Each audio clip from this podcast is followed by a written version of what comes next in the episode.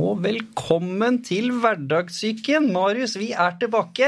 London-farerne fra The Human Aspect. Det er, dessverre så har det jo vært et eh, par ukers pause her nå, men det betyr jo bare at vi kommer sterkere tilbake. Ja, nå har vi lada opp alle mann, så da er vi klare for å kjøre på igjen. Det har vi, og du er jo selvfølgelig sponsa av Power, så du er charged as always. Alltid energi. Alltid. Alltid energi. I dag skal vi faktisk snakke om noe så tøft og vanlig, ser vi jo på statistikken, som eh, også dyp depresjon, suicidaldepresjon og faktisk selvmord. Tabuordet selvmord skal vi snakke om. Og i dag så har vi jo med oss eh, Chris Conn, som eh, for veldig mange er kjent, både kjent og kjær som, som magiker, men også fra The Human Aspect, hvor du delte den historien om, om når du rett og slett både vurderte det og tenkte på det og gjorde et forsøk. Stemmer. Stemmer. Det var en uh, veldig bra opplevelse.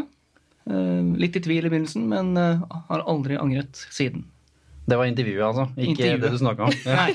Nei, Det er lov å le litt i starten av et såpass tøft tema.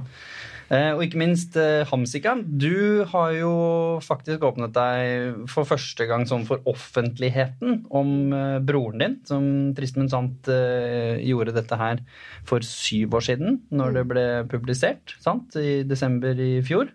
Yes, 2. 2. desember. Mhm. Ja, det var jo um, interessant å, å snakke om det. Uh, men også veldig, veldig godt for min del. Men også å se at uh, det hadde en så positiv effekt på de som hørte på det. Så jeg er veldig glad for at jeg delte det gjennom The Human Aspect. Spennende, fordi begge deres intervju har jo faktisk reist eh, verden over og har jo blitt sett av eh, faktisk nærmere 100 000 hver av dere. Og ikke minst av eh, hundrevis og tusenvis på selve plattformen også. Eh, Så vi skal komme litt mer inn på det senere. Eh, Som vanlig så vil vi også ha med oss en ekspert etter sånn ti minutter ish, som faktisk forteller om hva en suicidal depresjon er, hvordan man havner i den, og potensielt da fra fagperspektiv hvordan man kan komme seg ut av den. Selv om vi skal covre på en måte erfaringsbasen på det i dag med både min erfaring, Chris sin og, og ditt eh, på en måte pårørende perspektiv, Hamsika. Og selvfølgelig Marius har alltid noe å si. Som regel noe å si. Som regel noe å si. Jo da, men eh, Marius, hva er ditt eh, forhold til temaet, siden vi ikke har vært innom det? Nå har vi hørt litt fra Chris og Hamsinga. Ja, mitt forhold tror jeg er, eh, er litt som eh, en vanlig mann i gata. Eh, Det er, det er en statistikk som berører veldig mange. Så jeg har venner jeg har mista som har tatt livet sitt. Det er jo, én ting. Og så tror jeg, jeg tror de fleste er innom en eller annen fase hvor de tenker på hva finnes mellom eh, himmel og jord, hva er etter døden, hvem kommer til å savne meg? Jeg tror kanskje veldig mange har vært innom det, så kanskje ikke i så stor alvorlighetsgrad som det kan være, men jeg tror veldig mange har lukta på tanken. Kanskje hvis man har vært litt sinna eller fått litt nok av livet, som egentlig alle får, gjerne en eller annen gang. Da tror jeg nok de fleste har liksom De har vært litt inne på tanken, eller bare lukta på det, kanskje. Liksom sånn Ja, hva skjer hvis jeg forsvinner? Er det det beste? Jeg tror ikke det er liksom så fremmed for folk, så øh, Jeg tror vi har gjort det mer fremmed enn det er. Det er faktisk eh, Statistisk sett da, så er det 600 000 mennesker i Norge hvert eneste år som har da suicidale tanker. Og det er også for så vidt veldig viktig, som eksperten kommer til å snakke mer om etterpå, at det er fryktelig langt fra å ha det som tanker, som du sier, og svinge innom det kanskje under en tøff periode, og det å faktisk ende opp i en suicidal depresjon, hvor det er et reelt alternativ, og hvor man eh, til slutt ser på det som eneste alternativ eh, sånn sett, eh, Chris. Hva er din erfaring med å være i den på en måte mentale tilstanden der? Ja, så klart, når du er først i den, i den epoken hvor du kanskje fysisk tar skrittet, så har du Du føler ikke at du har noe å tape på det, egentlig. Det er sånn du Du tenker ikke familien din engang. I hvert fall ikke, gjorde ikke jeg det. Jeg satt der og aleine på en hybel og bare tenkte Har jeg noen? Mm. Eh, Da bodde jeg jo Det var ikke mer enn et par timer unna familien, men du, du Familie er kanskje Det det er litt sånn hardt å si det, men familie er kanskje noe av det siste du åpner deg for. I mange tilfeller. Um, for du er så redd for å skuffe dem på den måten som kanskje selvmord vil gjøre. da. Mm. Og det er jo veldig mange som sier at det er så egoistisk å ta selvmord. Ja, på en måte så kan jeg forstå det, men på en annen måte så Jeg sliter litt med akkurat det argumentet, fordi når du er så dypt nede som du er, så du tenker ikke på det som egoisme heller. Du tenker på som den eneste utveien, på en måte. Du er eh, Du ser ikke noe perspektiv fremover. Du ser kun bakover. Og det som har, eh, det som har vært. Jeg husker faktisk at jeg tenkte at det ville gjøre verden bedre Mm. for familien. Så når jeg tenkte på familien i den, på den tøffeste perioden jeg var eh, 13, så husker jeg at det var liksom en av hovedargumentene mine. At jeg tenkte at ja, men hvis jeg gjør det, da blir det jo bedre for alle. Da slipper de det maset. Da slipper liksom foreldra å ha den frustrasjonen. Da slipper liksom altså. Så det ble nesten motsatt. Det ble ikke en egoistisk tanke. Det var um, ja, det var rett og slett en tjeneste, nesten. Sånn på en veldig merkelig måte.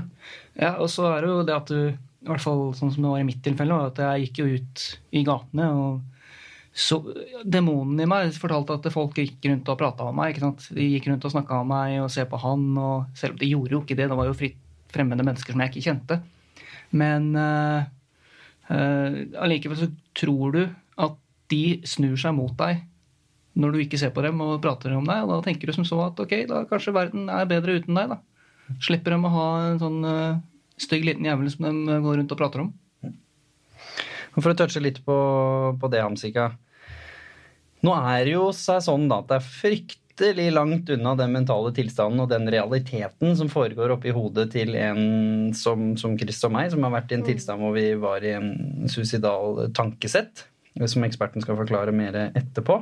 Og det som faktisk er resultatet når det er blitt gjort, sånn som i ditt tilfelle, hvor du var veldig nære broren din, og så trodde jo og tenkte potensielt han, nå vet vi ikke hva han tenkte, men sjansen er ganske stor for at han tenkte lignende ting.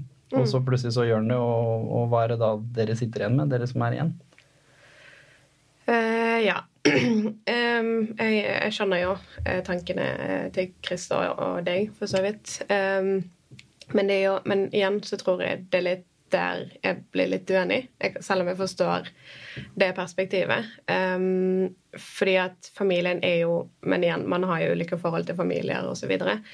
Men um, familien vil jo er jo der for en uh, uansett. Og det handler vel ikke om uh, Eller i hvert fall fra mitt perspektiv så sto jo jeg veldig nært broren min, at vi snakket om alt og delte alt. Så dette kom jo liksom som et sjokk fra ingen steder. sant? Um, men men uh, før var jo snakket jeg vel kanskje mer om at ja, at det var et egoistisk valg, men, men nå i, i det siste så har jeg vel skjønt, eller prøver å tenke mer på hvorfor han tok det valget. Eh, at, at det må ha vært så jævlig, da, for at han faktisk eh, valgte å gjøre det. Fordi at eh, det var den eh, det som var det beste for han akkurat der og da.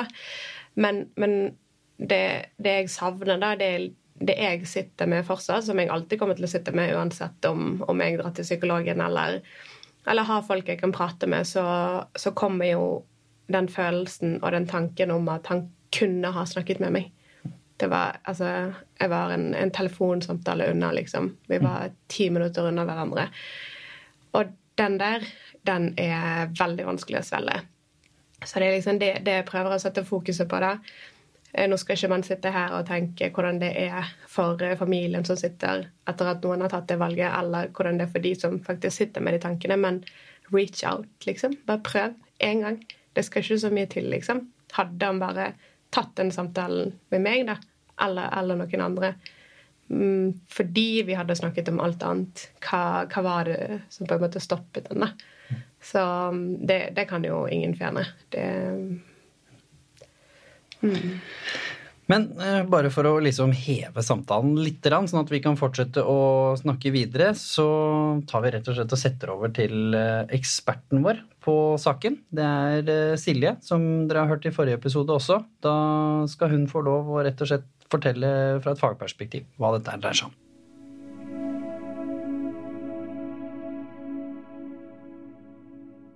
depressive symptomer, det å føle seg nedstemt og eh, kjenne at eh, på en håpløshet i forhold til framtida, er vel noe de fleste av oss vil oppleve en, gang, en, eller annen gang i livet, i en eller annen livsfase.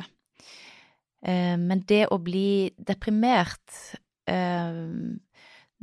Da går man over i, i noe som I en tilstand som vil påvirke funksjonen i livet, som påvirker alle områder av livet, og som gjør det vanskelig å fungere i jobb, fungere i hverdagslivet, og som kan til og med gjøre det vanskelig å komme opp av senga. Det som skjer eh, i hodet når man blir eh, deprimert, er Det er nesten som å ta på seg eh, et sett med farga briller, hvor man ser verden med et filter, hvor alt blir på en måte grått. Alt oppleves og tolkes i verst tenkelig mening, hvor tolkes negativt. Man opplever en, en, en nedstemthet eh, og opplever en, en, form for utmattelse, at alt er tungt. Eh, opplever en håpløshet i forhold til eh, fremtida. Opplever en negative tanker om en sjøl, altså dårlig, dårlig selvbilde. Og rent fysisk så kan det også påvirke hvordan Altså appetitt. Enten at man spiser veldig mye, eller at man mister totalt matlyst og spiser lite. Det påvirker ofte søvnmønsteret, at man sliter med å sove. Um, og eh, for noen så kan det også bli så ille at man kjenner på at man ikke orker å leve lenger. Uh, og vi skiller ofte mellom uh, lette, moderate og alvorlige depresjoner. Mens lette depresjoner i noen tilfeller kan gå over av seg sjøl etter en seks til tolv måneders tid.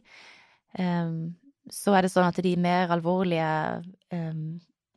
variantene av depresjon eh, veldig ofte vil ha aspekter av eh, suicidalitet i seg.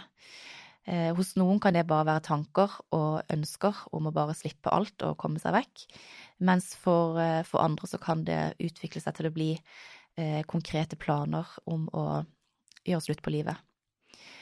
Eh, og det er en del risikofaktorer som er viktige der. og Det gjelder særlig hvis man eh, har et dårlig nettverk rundt seg. Eh, hvis man et eh, får relasjoner, eller man opplever at man mister alt på kort tid. For eksempel at man mister jobben, man mister familien, for eksempel at man gjennomgår samlivsbrudd, at man opplever store tap av helse og funksjon. Og det å oppleve sånn multiple tap gir en sårbarhet for at man kan eh, tenke at det ville vært bedre å være død enn å leve videre. Og eh, da er det viktig å få hjelp. Ekstremt viktig. Eh, og det kan man få ved hjelp av profesjonelle. Man kan få eh, Det finnes gode eh, psykologiske behandlinger for å håndtere og mestre depresjon. Eh, det sosiale nettverket er jo avgjørende også her, og det går igjen som en viktig faktor i egentlig all sykdom og lidelse. Hvis du har et godt nettverk, hvis du har gode mennesker rundt deg som du kan være ærlig med, som du kan snakke med, som støtter deg, så virker det som en buffer mot, det beste, mot det meste, og også når det gjelder depresjon. Eh, noen som hjelper til å holde struktur i hverdagen. Det er ofte vanlig når man er deprimert. Altså man, man opplever at alt er meningsløst. Hvorfor er vitsen med å stå opp i det hele tatt? Eh, men det å klare å holde på døgnrytmen og stå opp og ha noe å gå til Det å klare å holde en eller annen form for kontakt med, med jobb, med arbeidsplassen, og ha den strukturen og ha den, eh, den faktoren som, som, ofte gir mye, mye, positivt tilbake, det er viktig. Og så er det viktig å, å jobbe med de tankemønstrene som styrer den depressive følelsen. Uh, og utfordre de og se om er det sant, de tankene man tenker, er det sannsynlig, er det hensiktsmessig, eller går det an å tenke på nye måter. Og det involverer ofte hardt arbeid, uh, men det har vist seg å kunne at det er mulig å endre rent sånn kognitivt. Eh, når en person blir deprimert og opplever tap av glede, tap av mening, en håpløshet i forhold til framtida, så vil det naturlig nok påvirke de pårørende rundt. Eh, og det er ofte tøft for pårørende å se eh, en som de er glad i, miste livsgnisten så totalt. Eh, og det er vanskelig å vite helt hva man skal gjøre. Det vil jo avhenge, det vil være individuelt hva den enkelte ønsker og trenger. Men det som er iallfall viktig, er å ikke trekke seg unna. Og ikke eh, ikke la den, den deprimerte få, um, få isolere seg og, og, på en måte stenge seg inne i sin egen verden. For det man trenger hjelp til, er jo å, å komme ut av den, eh, av den måten å se verden på som, som de har. Eh, nå kan det jo i noen tilfeller være utløst av, uh, av hendelser som er vanskelige. Det kan være et tap, det kan være sorg som, som, ikke går over og som bare vedvarer. Det kan være eh, vanskelige livssituasjoner. Så det å eh, på en måte bidra til at de eh, kan håndteres og løses, kan jo være fornuftig for pårørende å gå inn i sånn ren problemløsningsmodus og hjelpe til å, å håndtere det vedkommende står i. Um, men det er ikke alltid at det er utløst av kritiske hendelser. Det kan være at det kommer som en sånn snikende snikende sky som bare legger seg over, uh, over personen. Og da um, kan det være viktig å, å, holde kontakten. Det er viktig å, å, få pasienten til å Eller få den deprimerte til å um, komme ut. Uh, så den ikke blir isolert. For unngåelse er et av de vanligste, uh, vanligste faktorene eller trekkene. Så for pårørende så blir det viktig å um, å vise støtte og eh, ikke akseptere unngåelsen som den deprimerte ofte vil eh, involvere seg i. Støtte opp under eh, det som, som, personen faktisk får til. Eh, den som er deprimert, vil ofte tolke hendelser og situasjoner negativt. Vil ofte se alt det han eller hun ikke får til. Det å gå inn og utfordre de tingene og, og bidra til til å støtte opp under det som faktisk er eh, ressurser, det som personen får til, det som er bra. Eh, det å, å få eh, personen ut og i aktiviteter som, eh, som, kan være positive og kan påføre noe, eh, på, noe positivt, eh, blir viktig. og det å, å, stå sammen med den som går gjennom en depresjon. Så et tips til den som kjenner at depresjon kommer snikende, Eh, ikke hør på de eh, negative tankene. Ikke følg eh, de depressive tankemønstrene som forteller deg at du ikke er verdt noe, eller ikke kan noe, eller ikke, at alt er meningsløst. Men lær deg gjenkjenne de mønstrene og, og gå på kompromiss med de, og oppsøk hjelp før det går for langt. For det finnes god hjelp, og noen opplever god hjelp av det sosiale nettverket, av personer som står rundt dem. De kan oppleve god hjelp gjennom fysisk aktivitet, gjennom eh, andre former for, eh, for, positive aktiviteter. Men, eh, men eh, en depresjon som er eh, lett til moderat, er mye enklere å håndtere enn en som har gått over til å bli så alvorlig at man nesten ikke klarer å komme ut av senga. Så tips til den som opplever det selv, oppsøk hjelp tidlig. Ikke lytt til de negative tankene tips til de som eh, står rundt og merker at nå begynner det å skje noe som ikke er bra. Eh, snakk med personen om det. Eh, oppmuntre til å søke hjelp. Ehm, og engasjer personen i aktiviteter som kan gi ehm, positive, positive følelser og opplevelser. Og et tips til de eh, pårørende og de som står rundt eh, og merker at eh, det begynner å utvikle seg en, en depresjon, og det kommer noe snikende som ikke er bra. Oppmuntre personen til å oppsøke hjelp. Bidra gjerne til å, å bli med, bli med og oppsøke hjelpetilbud dersom personen syns det er vanskelig å gjøre det alene. Og engasjere personen i aktiviteter og gjerne utfordre litt, selv om, eh, selv om eh, personen sjøl ikke, ikke, har lyst eller ikke orker, så kan det likevel være lurt å, å, eh, å bidra til at personen kommer ut og, og treffer folk og, og, er i sammenhenger som, som, kan gi positive følelser, sånn at man unngår den der voldsomme unngåelsen og isolasjonen. Det er viktig.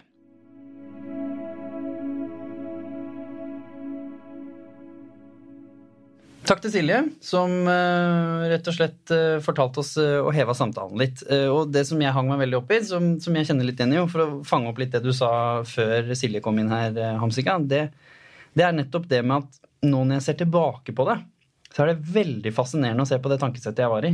Fordi for meg så var det logisk. Og det var ikke egoistisk. Mens nå, når jeg ser tilbake på det, Chris, så ser jo jeg at dette var veldig ikke nødvendigvis egoistisk, men veldig selvsentrert. Jeg tenkte jo kun på meg, min virkelighet, som virkeligheten for alle. Jeg tenkte liksom ikke på konsekvensene dette ville få for de andre før helt mot slutten, når ting snudde. Det var jo da var en av de få tingene som jeg faktisk klarte å henge fast i, var én person i livet, som var bestemor, som heldigvis svingte innom hodet mitt eh, en liten stund der, hvor jeg blei sånn Oi, hun hadde blitt ganske lei seg, hun.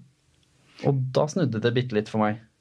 Ja, eh, jeg kan se den eh, tankegangen der, fordi det tok veldig lang tid før jeg turte å snakke om det utad. Og en dag i dag så er jeg faktisk litt sånn flau over det.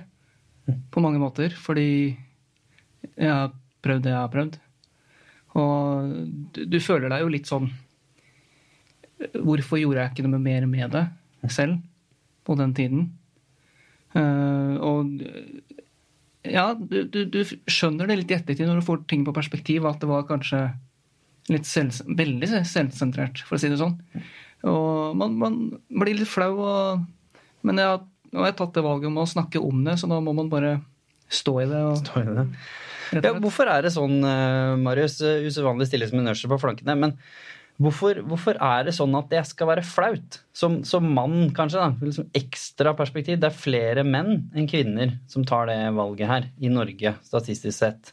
Hvorfor er det sånn at det er så sinnssykt flaut å snakke om at man faktisk har vært så langt nede i kjelleren at man vurderte det når det er så vanlig? Jeg tror vi kan dra en parallell til første episoden vi hadde, Jimmy. Ehm, da hadde vi jo, hadde vi jo um, Simen Almås her som vi prata en del om da, altså bare det å prate om følelser eh, kan være vanskelig når du er, når du er en kar, da. Og, og, det å åpne seg opp. Og det, det er liksom Altså, det å, det å skulle ta livet sitt, det er jo egentlig den rake motsetning av det man kanskje tegner opp som hva er det som er en sterk mann da, i dagens samfunn, som på en måte skal tåle det meste, stå i hardt vær. altså litt sånn En mann skal være Drygolin, liksom, eh, på, på huset. Uh, jeg har sett litt for mye TV-reklamer. Men, men, det igjen gjør jo at altså Derfor tror jeg det kommer som det sjokket det gjør òg. Fordi man kan liksom ikke annonsere det. Da tar man den flauheten i det. Altså, Man må bare gjennomføre det, og så blir man kanskje litt sånn Nå, nå, nå sitter jeg basert på det jeg hører og den tankegangen jeg har og det, det lille jeg vet om det, om det, her i utgangspunktet. da, på en måte Jeg gjør min egen analyse her, men da tenker jeg det at uh, man, man, man, kanskje Det som jeg syns er litt feigt, og det er ikke sant, sett utenfra, så syns jeg det å ta livet sitt kan være litt feigt. Altså det er litt sånn ja, men stå i det, da. Altså, det blir bedre, snakk med folk, eller liksom Men, men da igjen, sant, i hvert fall ikke være feig og ikke gjennomføre det. Altså det, hvis, hvis, man snur på det, da blir det en sånn mestringsgreie. da, at du skal i hvert fall, Jeg skal i hvert fall få til det, liksom. Og så er det sånn, mest redd for. Det, skal, skal, jeg være sånn altså, Det blir jo kjempeflaut hvis du bare sånn Du går rundt, du har fått et bilde om at det er eneste utvei. Skal du ikke klare å gjennomføre det engang? Altså, Klarer du ikke å ta ditt eget liv engang? Hvor håpløs er du? Nå, nå, er jeg veldig brutal da, i måten jeg legger det frem på, men jeg vet ikke om dere, dere skjønner litt tankegangen? da, at liksom, Med det bildet det er av å være mann i tillegg, så er det bare sånn Ja, men ta, en, ta et forbaska valg, da. Havner man der? Det, det, var faktisk det jeg tenkte. Jeg, jo, jeg satt jo og vurderte hvilken metode jeg skulle bruke. Og da vurderte jeg jo Ok, skal jeg, skal jeg drukne?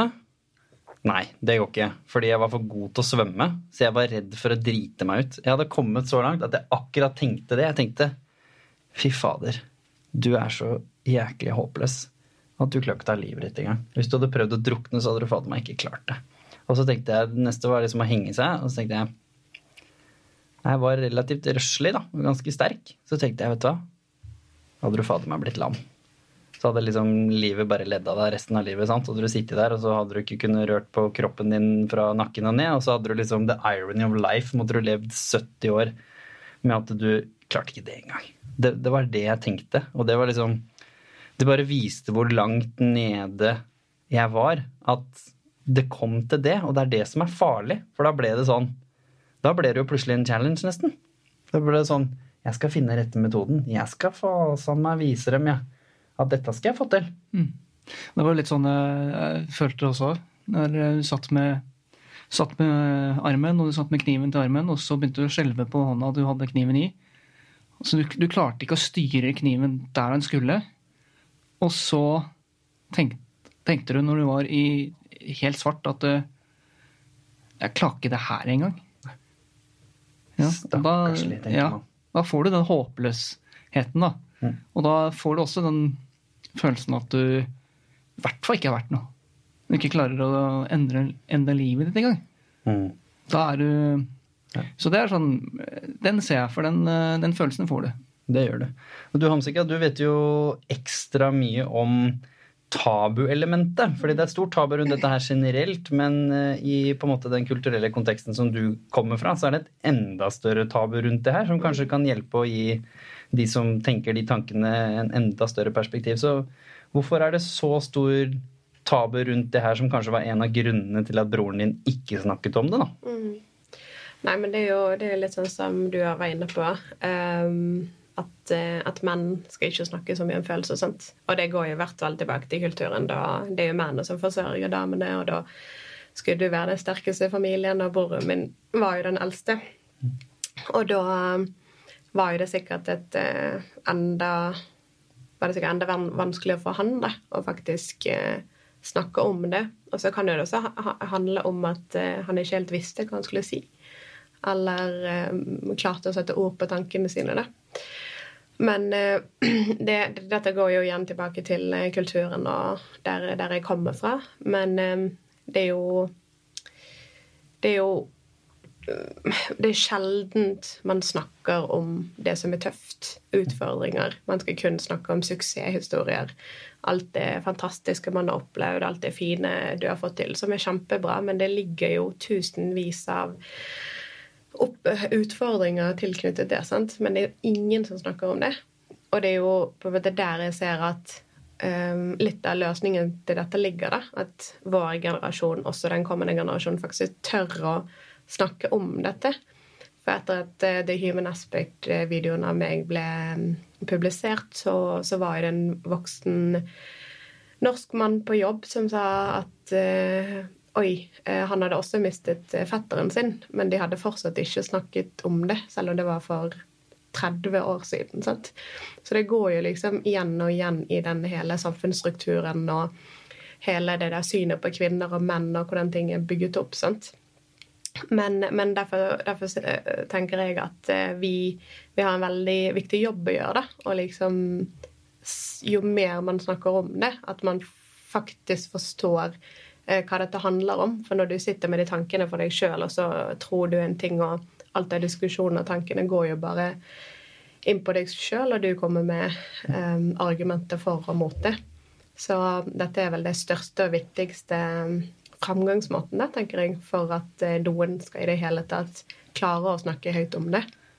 For det er, jo, det er jo en av hovedelementene bak det human aspect. Det er dette med rollemodeller. At man skal klare å vise at ikke det alltid trenger å være sånn som man tror. Altså de Stigma det er jo en av de tingene vi, vi på en måte elsker her i hverdagssyken. er å ta litt liv av noen sånne stigmaer og litt sånne uoppfordra sannheter. Sånne myter, rett og slett.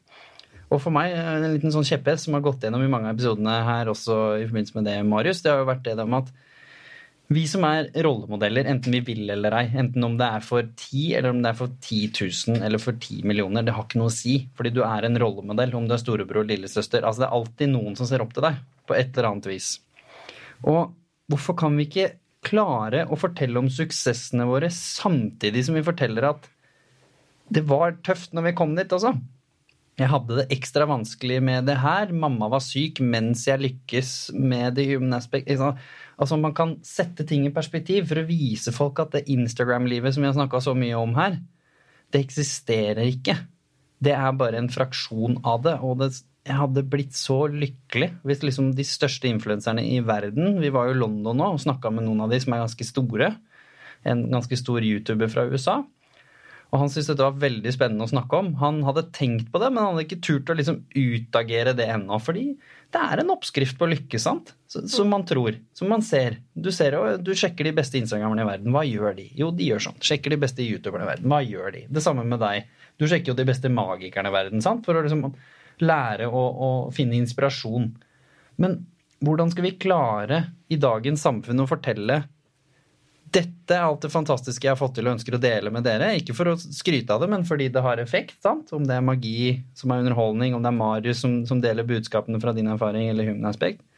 Men det betyr ikke at vi går rundt og smiler hver eneste dag, for det er urealistisk. Og det hjelper virkelig ikke for mentale helsen. Jeg tror det er en av hovedårsakene til hvorfor så mange mennesker føler seg deprimert. For de tror at de skal være glad hver dag. Det er feil. Rett og slett. Det ble stille. Nå må dere si noe. Ja. Hva tenker dere? Altså, hvor, hvor stor eh, Dere som også både er rollemodeller og ser rollemodeller rundt dere, hvor bevisst er dere på det her? At man, man også skal tørre å av og til å dele litt på sosiale medier, når det liksom ikke er helt A4? Ja, det, er, det er jo noen som må skifte den algoritmen. Fordi, ikke sant, som du bruker som eksempel her, eh, man har jo sine rollemodeller. Man har jo sine som kanskje er gode i den bransjen man er i, eller kanskje den bransjen man vil inn i. Som gjør at liksom, det er ingen der heller som hva skal jeg si, har turt å, å forandre altfor mye på det. Men vi har jo sett de siste årene at veldig mye sånne ærlige seanser da, med bloggere. Bloggere som liksom tør å vise seg helt usminka, tør å liksom ta en Snapchat at 'oi, jeg fikk en ny kvise i panna i natt', liksom. Uh, ja ja, hate my life. Altså, Vi har jo sett eh, en viss trend av det. Men så føler jeg det at det toget vi var på vei inn i For det var en periode, hvis jeg husker tilbake med sånn seks-sju år siden, hvor det virkelig begynte å komme i vinden. Du så det på husker jeg ikke husker jeg ikke helt navnene på disse her, men det var jo flere bloggere som liksom var sånn brutalt ærlige, da. Det her er liksom den usminka sannheten. Men så faller man liksom litt tilbake nå, fordi eh, på samme måte som at man ikke, ikke I Norge da, så skal man ikke skryte altfor mye. Hvis du gjør noe som er bedre enn snittet, så skal du helst holde det litt for deg selv. Hvis andre skryter av deg, så er det på en måte greit. Litt på samme måte tror jeg også det er med kjipe ting i hverdagen. Altså, du, du, du, føler et ansvar. altså Du kan ikke være for ærlig, fordi da kan du risikere å dra andre med deg ned i en dårlig dag. Så det er jo en eller annen sånn balansegang der, men jeg tror vi kan oppsummere det med å si at gresset er ikke grønnere på den andre siden. Eh, alle har sitt å stri med. Eh, du, altså Hvis du er kjempeanerkjent i din bransje, ja, men da har du en vanvittig mye større porsjon med stress og mas og timeplaner og det hele tatt. Det er ikke noe bedre deler. Altså, gresset er aldri grønnere. Folk flest har sine utfordringer. Og det tror jeg er noe vi egentlig bare kan bevisstgjøre fra dag én. Ja. Sånn er det bare. Tar man alle de man har gått i klasse med, det er ingen der som har noe mindre komplisert liv i en eller annen stor eller liten grad. Alle har sitt å stri med. Det må vi repetere gang etter gang etter gang etter gang. Ja, og der tror jeg liksom rollemodellene må ta for noe. Nå har jeg jo hatt uh, gleden, hvis man skal si det, for jeg syns det er spennende å intervjue veldig mange sånn superkjente mennesker. Som på en måte har jo tusenvis eller millionvis av mennesker som følger med hva de driver med. Og det er ekstra spennende når du møter de og opplever at de er vanlige mennesker som har fått ned ekstraordinære ting. De kan være gjerne litt ekstraordinære personligheter, men veldig mange av de menneskene jeg har møtt i The Human Aspect, som er de jeg virkelig klarer å komme på sånn på farta, hvis du spør meg liksom, å, hvem er det mest inspirerende, eller oi, hvem lærte du mest av, eller Det er veldig sjelden de. Det er det som er fascinerende. Det er like mye de som det er en helt tilfeldig. Ikke sant? To av dem sitter ved siden av meg her nå, med både med Hamsika og Chris Cohn, og deg og Marius. Men for meg så er det liksom Det er ikke det som betyr om du har lykkes, og om du er en god rollemodell. Så hvis alle bare hadde turt å vise at ja, jeg har faktisk kommet meg gjennom det her, og det bruker jeg hver dag å, som drivkraft for å jobbe med det. Altså, det er jo veldig tydelig med deg, Marius, fordi du var gjennom en grusom opplevelse som du ikke var i kontroll av selv. Som du ble utsatt for. Som gjorde deg kjent, enten du vil eller ei, og så valgte du å eie det etterpå. Og det kan brukes på veldig mange forskjellige måter, men jeg syns du bruker det på en god måte. For det er jo Jeg opplever det som Så vi kan snakke om power herfra inn neste år, men jeg opplever at det er dette som er drivkraften din, ikke energidrikk. Og så tror jeg igjen Det her er jo med all fare for at liksom vi gulper gammel informasjon her. Så, så, igjen så sitter vi i en kontekst nå da, hvor alle er enige om at det lønner seg å prate om ting. Det er, det er første veien til å få suksess, det. Som menneske. Det er å prate om ting.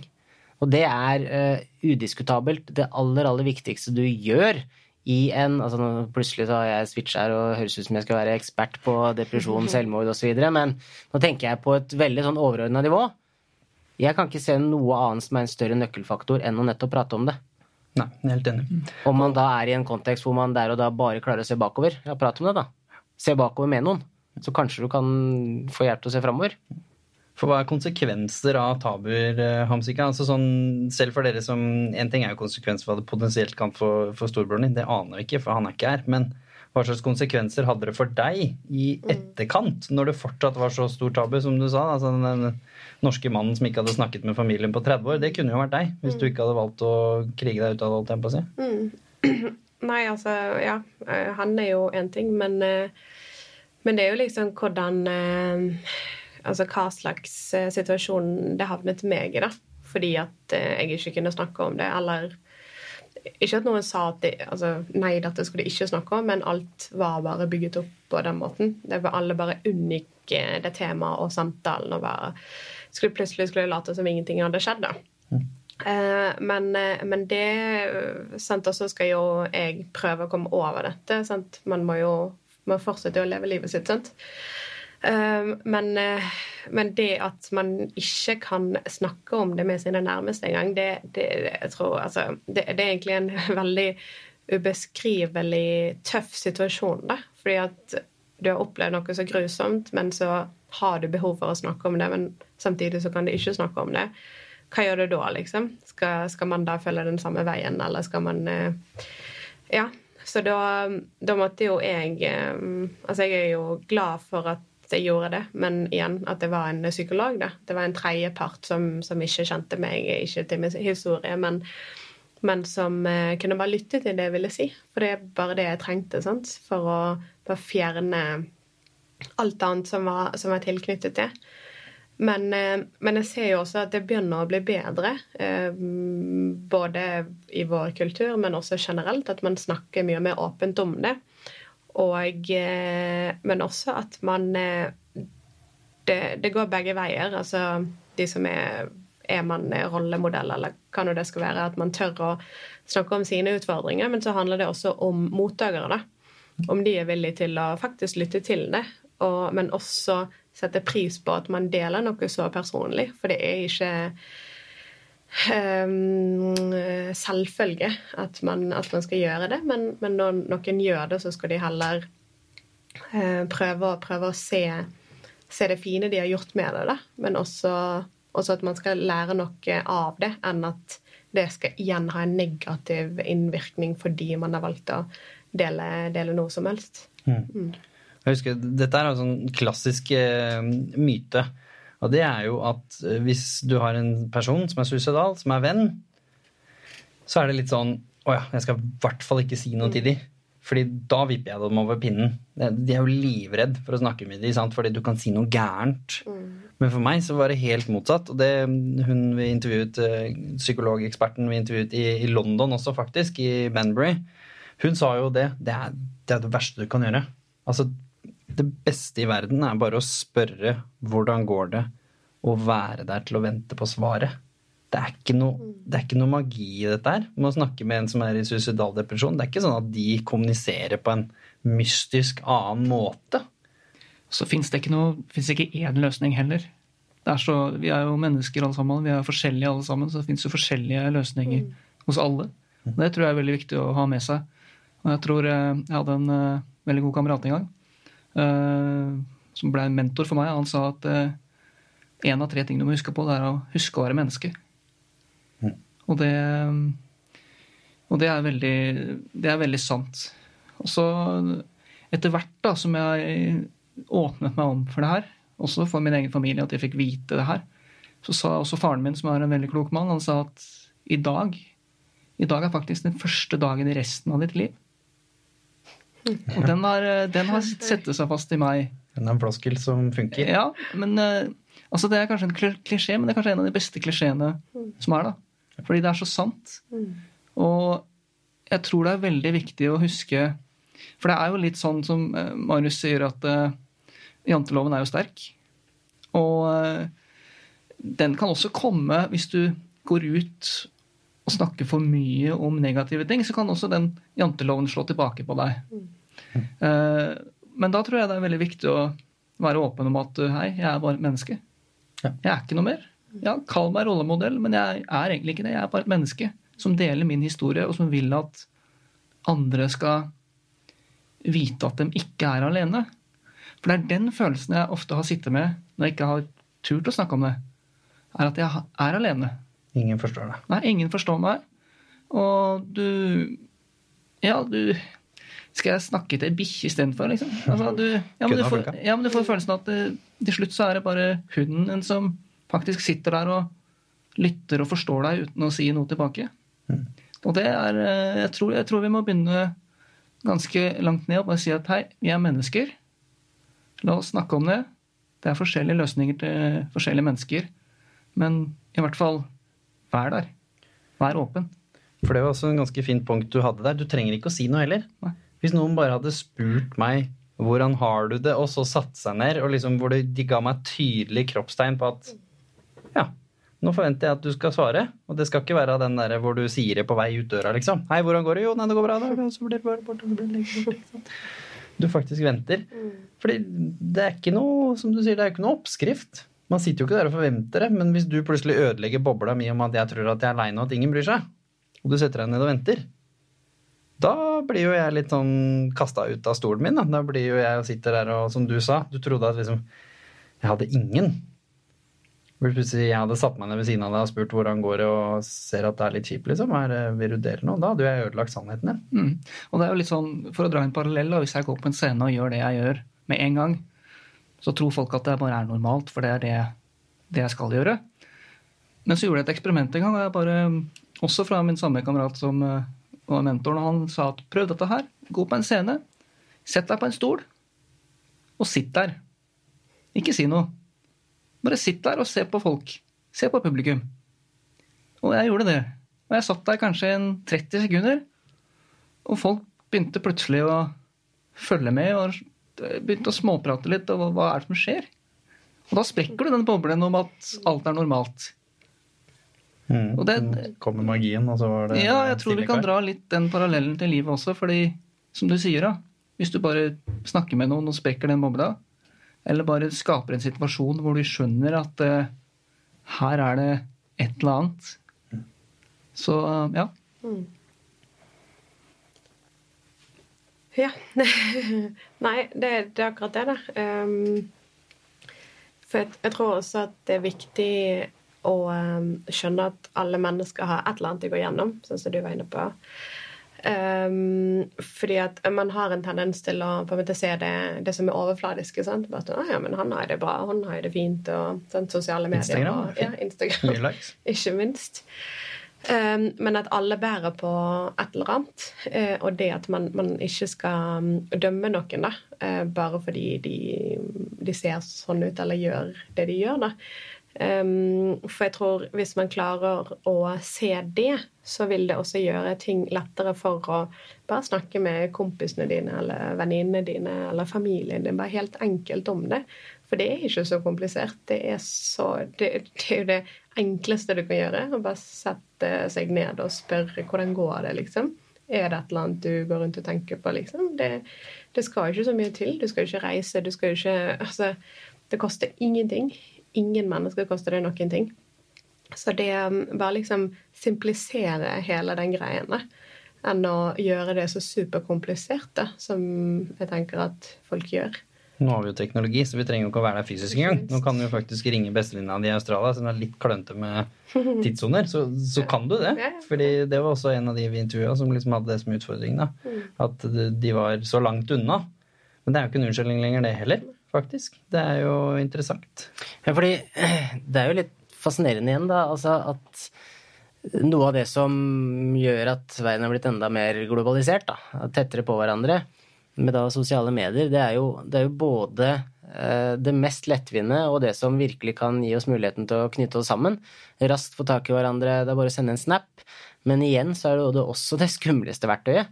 Så det, det, det, er jo, vi er tilbake på den der med kan medføre avhengighet, kan medføre depresjon, sosiale medier. Det skulle kanskje stått vil en sånn Vil medføre depresjon. Ja, vil, eh, vil medføre. Nei, men eh, det, det, jeg tenker på det er jeg kan, jeg, jeg kan, jo, hvis jeg skal prøve å sette meg liksom inn i Når du virkelig er inne i bobla di, da. Hvis du bare skal ta en sånn liten sånn rask sjekk på hverdagen til alle andre, og så fremstår den i tillegg eh, supervellykka, og folk er i sitt eget eh, jag, så det vil jo ikke akkurat gjøre en situasjon, hvis du vurderer å ende livet ditt, noe særlig lettere.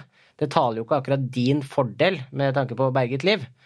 Så det, det, er liksom bare sånn det, det skumleste og det enkleste verktøyet er da sjekke Instagram eh, i den tilstanden vi var, eh, Chris. Jeg er forferdelig glad for at sosiale medier ikke fantes når jeg var 13. Da er jeg faktisk, Det kan jeg si med hånda på hjertet. Da er jeg ikke sikker på om jeg hadde vært her. Nei, og det, jeg husker Mirk fantes da.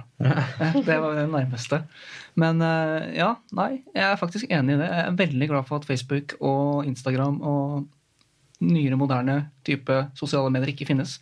Det er vel ikke, som Marius sier, sosiale medier sier jo det at det skal være sosialt. Mm. Men vi, vel, vi, lever i vel en uh, tidsalder hvor uh, vi aldri færre har gått på besøk hos naboen enn nå. Ja, det stemmer det. Og så litt i forhold til det med å dele ting eh, og blitt mer åpent. Marius, du var inne på det stedet kanskje var, det var en trend, spesielt om influenserne. Bloggerne var jo gode på dette her en, en, stund og fikk mye skryt. sant? For ikke snakke om nå. Solveig Kloppen har jo blitt håper å si rekjendis for noe veldig traumatisk å miste noen. Men hun deler det midt i sorgen. Der er jeg personlig stor forkjemper av å la det være. Fordi da deler du det i en sinnstilstand som ikke er god. Hvor du har verken noe positivt eller negativt eh, å komme med, egentlig. Annet enn at uh, dette er vanskelig. Nå har ikke jeg fulgt med hva Solveig gjør. Hun er forferdelig oppegående, reflektert dame. Sikkert mye godt i det. Men jeg er enda større forkjemper av å dele det når du faktisk har kommet til et altså det, det, neste steg, når du selv har titta litt tilbake og reflektert litt. For da har du så fryktelig mye mer å komme med, og så er du ikke selv i en situasjon hvor det kan bli verre. Og så er du for tidlig med å dele det. Ifølge da ekspertene og de vi på en måte test, dro The Human Aspect-modellen gjennom, så var de fryktelig tydelige på at dere må ikke finne på å intervjue folk som står midt i det. Dere må i hvert fall ikke publisere det. Vi hadde jo to caser hvor jeg endte opp med å gi intervju til den personen og sa at det er jo tydelig at dere ikke klarer å svare på spørsmål nummer tre. Hva har du lært? Som er jo tydelig tegn på at du har ikke kommet deg noe særlig gjennom det. Se det selv. Og det er jo, Psykologer bruker det som et, som et verktøy. Sant? Du filmer når du svarer på spørsmål, og så gir de til en person for å få et tredjepersonsperspektiv. Se deg selv. Det er veldig, du, Vi som har blitt intervjua, vet jo det. Veldig merkelig opplegg.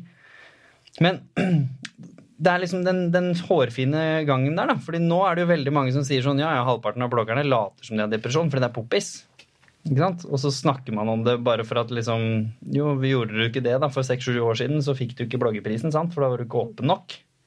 Så det er, det er den der hårfine balansen som jeg er veldig opptatt av. Og det er utrolig viktig å tørre å heller dele ting du faktisk har litt perspektiv på, da. Så tror jeg det er veldig viktig å være ærlig Selv om man har perspektiv på det, tror også det er viktig å være ærlig med seg sjøl i nuet. Uh, som jeg snakket med Hamsik om før vi kom inn hit, så sies det jo det er en myte det at man hvis man har fått litt behandling, så er man frisk fra en depresjon. Og der vil jeg si at det er en myte, fordi det kan jeg med hånd på hjertet si at jeg har fortsatt demoner i hodet. Uh, veldig sånn ja. Eh, negativt sagt. Men jeg kan fortsatt høre stemmer i hodet som sier, som sier dårlige ting. At alle snakker om det fortsatt? Ja, at alle snakker om det, eller at den bestemte demonen snakker til meg. Det er ikke sånn at demonen står der og banker på døra og spør om han kan komme inn. Det er vel heller det at han går inn bakveien og plutselig står i stua di, på en måte. Så eh, det er sånn Senest i forrige uke når jeg var på jobb, for eksempel, så følte jeg at eh, her var det et eller annet som ikke stemte. Men eh, man får litt mer perspektiv på hvordan man skal håndtere situasjonen. Og det tror jeg er veldig viktig når man først har stått i det. Du lærer deg på en måte å bli litt ordstyrer, da. Ja. Det er vel det kanskje verktøyet man trenger. Ja. Det er greit at det, det, pågår en debatt med alt mulig av følelser og stemmer, men så lenge du lærer deg, altså du blir debattlederen. Ja. Du velger når folk skal slippe til, og så velger du kanskje hvem som skal få argumentere imot eh, mot uh, den og den da, som prøver å komme med et innlegg og en replikk, eller hvordan dette her uh, funker. Mm. Det, det, husker jeg snakka mye om, om når folk liksom Ja, er det, er det over nå? Det er jo flere som har, som har spurt meg. Og det er jo ikke det i det hele tatt. Vet du, Den største forskjellen her, den er faktisk at når jeg var 13, 14, 15, 16, 17, altså når dette var heavy, da varte det i månedsvis. Ikke sant? Den, den tilstanden. Jeg kom ikke ut av det. Det er jo definisjonen på depresjon. Nå varer det i minutter, timer. Jeg kan ha akkurat samme like grusomme sinnstilstand, tenke de samme tingene om meg selv, se i speilet, henge meg opp i negative ting, føle bare at hva er vitsen, liksom? Hvorfor gidder jeg? Men det går så fryktelig fort over. Fordi jeg kjenner igjen følelsen. Det er litt som du kjenner lusa på gangen. Når du plutselig den der tankesettet ditt kommer, og du kjenner liksom at nå roter jeg meg inn i det tankesettet der, så blir det sånn Nei, vent litt. Hei, kompis. Den demonen der, du bare Hei, hei, hei. Dette har vi snakka om. Du bor ute. Ikke sant? Du bor i hagen. Litt sånn som eh, bikkja som prøver å snike seg inn eh, når han vet han ikke får lov å være inne. Og det er det som er store forskjellen for meg. Nå kjenner jeg det igjen med én eneste gang, og så kan jeg begynne å håndtere det. Som du sier, med, med de triksene og de verktøyene jeg har lært underveis. Og da kommer jeg liksom aldri ordentlig ned i det Marius beskriver som liksom potetkjelleren under kjelleren. Ja, altså jeg kan, ta, jeg kan gjerne ta en fest med en demon, jeg, men uh, for å si det sånn, det blir uten alkohol. For å si det på den måten, da. Uh, så han, det, det, det, blir ikke så festlig lenger for det tankesettet. Nei, det er akkurat det. Men uh, skal vi ta oss og La oss ta oss runde av med, med, hvordan vi skal få gjort noe med dette. her. Nå har vi vært innom en del ting. Men hvis vi skulle avslutta med hver vår lille minirant på, på hva vi personlig mener fra det perspektivet vi står. Så hvis vi begynner med helt utenforstående perspektivet, Marius, som har opplevd dette som en, som en, eh, pårørende med noen du har kjent, og som nå har fått lov å høre på disse tre sprelske folka ved siden av deg her. Hva, hva, tror du er viktig å ta med seg ut i, når man trykker pause, holdt jeg på å si, når man er ferdig med denne episoden her? Ja, Det er jo først og fremst eh, hvordan skal man kunne være en god venn, eller være et familiemedlem, eller være en ressurs da, eh, for han eller henne måtte gjelde. Altså Som er i en sånn tankegang og, og kanskje har utvikla det ganske alvorlig. Det, det, må jo først og fremst da være å liksom ikke være så redd for å stille spørsmål. Ikke være så redd for å blande deg i noe du syns er skummelt, eller noe du ikke vil ha ansvaret for. Altså ta ditt eh, ansvar som, som menneske. Igjen, alt koker jo ned til å på en måte sam, altså samtaler. Alt koker ned til å prate. Eh, det er, jo, det er jo kanskje den beste oppskriften vi har hatt i hver eneste episode her. Det å liksom prate om ting. Eh, men når det er sagt også, så er det noe med det å, å, å, ikke være redd for å ta det ansvaret. Både som en samfunnsborger, som en venn, som et familiemedlem. Nå sier jeg jo ikke at folk ikke tar det ansvaret, men eh, så lenge man i hvert fall prøver, og så lenge vi altså, fortsetter å bare prate om det, prate om det Jeg er jo også livredd, for jeg kan bare tenke meg liksom, det, er, det er jo noen som roper ulv her òg. Altså, som sant, kan ødelegge litt. og liksom, eh, så Det kan være vanskelig å lese. Er det et rop om hjelp, eller er det en seriøs depresjon den personen er i? Det kan være veldig vanskelig, fordi jeg tror, jeg tror alle kan ha en sånn dårlig dag, i hvert fall noen perioder i livet hvor man liksom bare sånn Ja, hvis jeg ikke hadde fantes, kanskje det hadde vært det beste. Det tror jeg er veldig menneskelig å tenke. Og det kan være litt sånn, et lite rop om hjelp. Jeg er frustrert, det er mye nå, ting er urettferdig. Jeg sliter litt, jeg vil bare bli sett. Men oppsummert eh, ikke, ikke være redd for å på en måte gripe inn, og ikke være redd for å prate om det. For jo flere som prater om det, bare det vi har sittet og gjort her, vi fire menneskene nå, det tror jeg kan eh, utgjøre en eh, stor forskjell, bare det. Litt uh, Hvordan skal man klare å håndtere tabuer? da? Jeg, og jeg føler jo du på en måte er eksperten i rommet når det gjelder tabuer og konsekvensene av å legge et ekstra press på toppen. At dette liksom virkelig Dette snakker vi ikke om. Mm. Uh, ja. Nei, altså For min del så, så har det liksom handlet om å se Eller prøve å se det positive i den situasjonen jeg sitter i. Um, nå har jeg på en måte hele det kapitlet med broren min. Det har skjedd.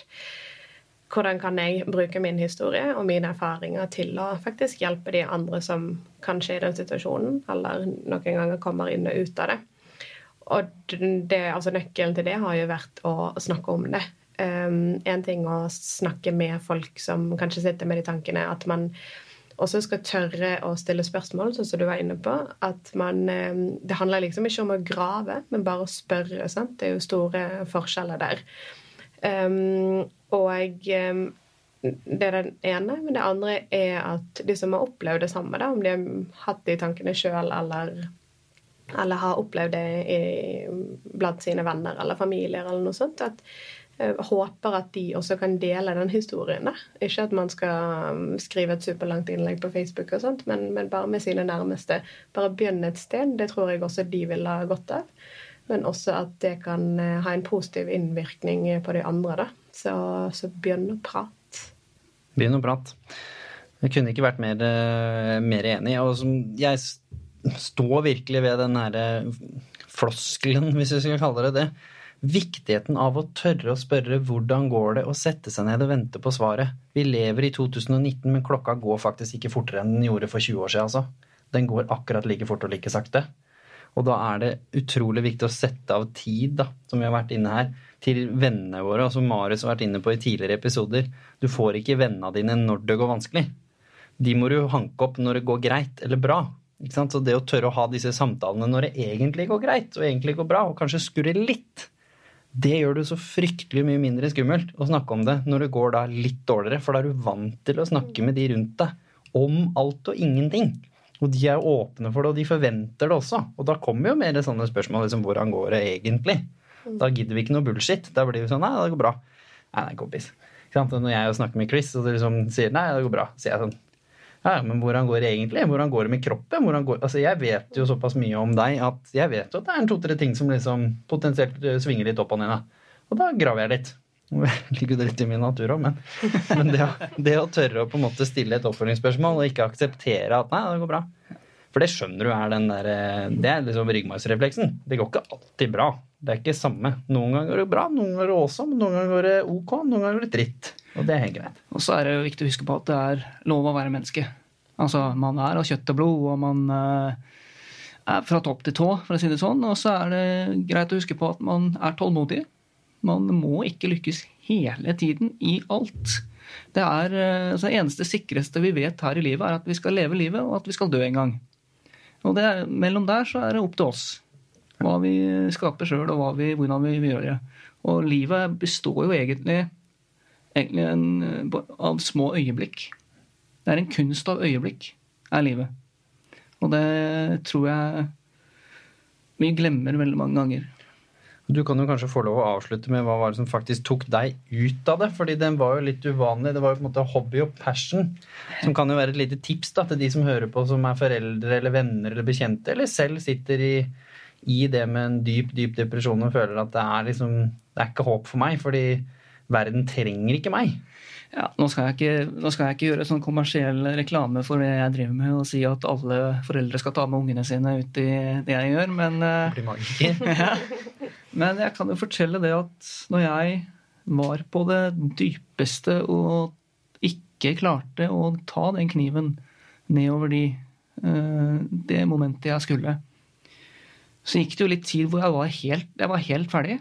Eh, både fysisk og mentalt. Jeg var så sliten. Og så, Det her var jo på den tida hvor YouTube kom. Og nå kan vi begynne å snakke om hvordan sosiale medier faktisk kan være en positiv greie. Eh, jeg så jo en eh, amerikansk-italiensk tryllekunstner med navn Rocco Zilano plutselig trylle fram en is av løse luften, for så å spise den etterpå. Og da tenkte jeg ok, og da hadde jeg også den der gode barndomsminnet jeg hadde fra da jeg var liten, som gikk på alle sirkusene som kom på den lille bygda jeg var på. Da slo den tilbake, og så tenkte jeg hvis jeg kan gjøre det der, da har jeg endelig lykkes med noe som ingen andre har gjort. Og jeg tror det er veldig viktig å finne et eller annet, uansett hva det er, som du føler du er god på. Så lenge du lykkes der, så har du skapt ett øyeblikk i livet. Hold ved det øyeblikket. Ikke snu deg, men hold på det. Og utvikle det videre. Det tror jeg er utrolig viktig. For da kan du liksom ta første steget. Og meg så ble det jo idretten, sant. Ja. Det var den ene stedet hvor jeg ikke var valgt sist. Jeg var ikke valgt først, men jeg var i hvert fall ikke valgt sist. Nei. Og av og til så scora jeg. Og da kom alle til meg og ga meg en high five. Noe som aldri skjedde noe annet sted. ikke sant? Så det var den derre bitte bitte, bitte lille snev av noe positivitet som, som, var enkelt. Det var ikke en sånn filosofi om at ja, ja, livet blir bedre om 30 år. altså Det dreit jo jeg i der jeg sto der og da. Men at jeg kunne score mål og få fire high fives, det betydde alt. For livet handler jo om nåtiden.